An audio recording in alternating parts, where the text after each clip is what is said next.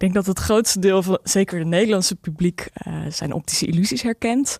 Waarin water omhoog kan stromen, trappen eindeloos door kunnen gaan, vissen in vogels veranderen. Al op jonge leeftijd maakte conservator en onderzoeker Judith Kadé kennis met dat beroemde, onwerkelijke werk, die kunst vol illusies. Ik had het bijvoorbeeld boven mijn, uh, mijn tandartsstoel hing de waterval van Escher. En vele mensen zullen het ook in een wiskundelokaal bijvoorbeeld hebben hangen. Ja. Uh, en het is echt een spel met het oog wat Escher, uh, wat Escher doet en ook zijn kracht is.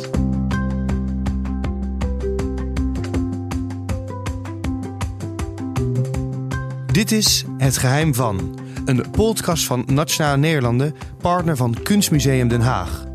Mijn naam is Splinter en in deze podcast ga ik op zoek naar het geheim van het wereldwijde succes van Nederlandse kunstenaars. In deze aflevering het geheim van Escher. Soms zou je wel eens in het hoofd van iemand anders willen kruipen. Die gedachte hebben veel mensen als het werk van Maurits Escher, of beter gezegd MC Escher zien. Hoe kan een man, geboren eind 19e eeuw in Leeuwarden, zulke prenten maken? Prenten waarbij hij speelt met dimensie, waarbij 2D 3D wordt en dan toch weer anders. Judith Kadé is conservator bij Escher in het Paleis en de vrouw achter de Escher-tentoonstelling in Kunstmuseum Den Haag. Zij vertelt dat Escher zijn inspiratie over de grens vond. Hij heeft in, uh, lang in Rome gewoond, daar de Sint-Pieter afgebeeld, urenlang van heel hoog boven naar beneden kijkend zitten schetsen. Dan werd er hem ook gevraagd, uh, word je daar niet duizelig van? Toen zei hij, ja, dat klopt, maar dat is de bedoeling. Dus dat neemt hij ook wel mee in zijn werk. En ja, ja hij zoekt die fascinatie op, maar ook, hoe kan je dat nou maken? Hoe kan ik nou een gebouw op papier zetten eigenlijk best wel een kleine afbeelding met zoveel verschillende facetten. Dus dat is een soort uitdaging die hij zichzelf dan ook stelde om, uh, om verder uit te gaan diepen. Niet alleen de architectuur in Rome trok Eschers aandacht. Hij gebruikte Italië ook als springplank voor zijn reizen in het Middellandse zeegebied. Reizen die hem kennis lieten maken met andere culturen. En uh, hij is twee keer daar naar Spanje geweest, naar het Alhambra. Mm Het uh, voormalig uh, fortencomplex. met veel islamitische kunst daar. En hij was ontzettend gefascineerd door de patronen. En heeft dus ook dagenlang uh, daar zitten studeren en natekenen. En eigenlijk die basis zit altijd in zijn werk. Dus ook voor die vlakvullingen waar hij zo bekend mee was. Dat komt eigenlijk vanuit die bezoeken aan het Alhambra en die fascinatie voor het doorgronden van patronen. Escher maakte vooral houtsneden waarmee hij zelf prenten kon afdrukken. In sommige gevallen in oplages van meer dan 600. Judith houdt zijn bekendste werk aan, relativiteit. Je weet wel, met die trappen, om te laten zien wat Escher zo goed maakt. Waarom hij nog steeds ertoe doet als kunstenaar. In het midden zien we een soort driehoek van in een gebouw van trappen. En op eerste blik lijkt het een gebouw waarin mensen, ze lopen de trap op, af. Uh, je ziet links in de hoek bijvoorbeeld mensen een klein romantisch ommetje lopen. En uh, het heeft daardoor iets van, iets van herkenbaars Escheriaans. Het zou een ministerie of een kantoorgebouw kunnen zijn, een trappenhuis ja, toch? Ja, veel herkenbare elementen dus van architectuur, die ook wel universeel zijn. Maar kijk je nog een keer, zie je dat toch wel één vrij belangrijk ding ontbreekt. Zwaartekracht. Ja. dus je kan niet alleen omhoog en omlaag een trap oplopen. Maar je ziet ook mensen die eigenlijk een kwartslag gedraaid een trap oplopen en helemaal niet naar beneden vallen. Of ondersteboven een boekje lezen op een bankje. En des te meer je kijkt, des te meer je denkt: waar, waar zit die zwaartekracht dan precies?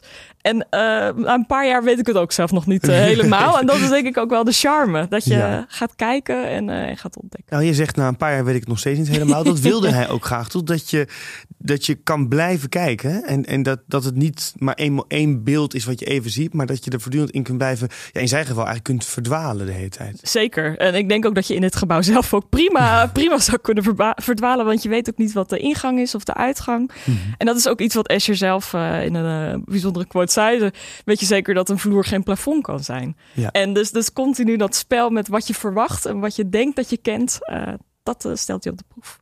Hoe kun je een driedimensionale ruimte op een tweedimensionaal vlak afbeelden? Die gedachte spookte, zeker in zijn latere carrière, constant door het hoofd van Escher. En het bijzondere is dan ook dat hij een geliefd kunstenaar was onder wiskundigen. Jarenlang, decennia lang is dat eigenlijk al een heel bijzondere verbinding. Uh, je ziet bij Escher, uh, er zit altijd een soort oplossing in zijn werk. En als je heel lang kijkt, dan kom je eigenlijk wel tot de kern van die, van die prent. En dat is iets wat beta-wetenschappers erg aanspreekt. Hm. En bijvoorbeeld in zijn vlakvullingen, dus, uh, dus eigenlijk een soort patroon dat eindeloos door kan gaan. daar zagen en zien beta-wetenschappers heel veel herkenning in, bijvoorbeeld met uh, uh, wiskunde. En je ziet dus ook dat tijdens Eschers leven al uh, wiskundige Escher gaan schrijven met tips voor prenten. Echt waar? Ja, maar ook dat ze geïnspireerd zelf raken en, en zijn prenten gaan gebruiken om hun formules bijvoorbeeld uit te leggen. Dus er is een soort wederkerigheid die heel bijzonder is en je niet zo vaak ziet ook in de kunsten. Maar niet alleen wiskundigen en bijvoorbeeld Nobelprijswinnaars schrijven hem. In de jaren 60 groeit zijn roem buiten alle proporties.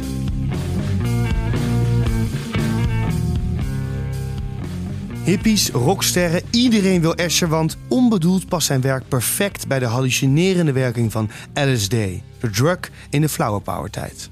Escher was zelf natuurlijk een beetje, een beetje nuchter, maar normaal. Maar die hippies die waren gefascineerd door zijn werk. Uh, er werden allerlei fluoriserende varianten van zijn werk ook op, uh, uh, op de markt gebracht in de VS. Wat hij zelf een beetje dubieus vond. Maar hij had ook fans onder bijvoorbeeld rocksterren. Ja. denk aan Mick Jagger bijvoorbeeld van de Rolling Stones.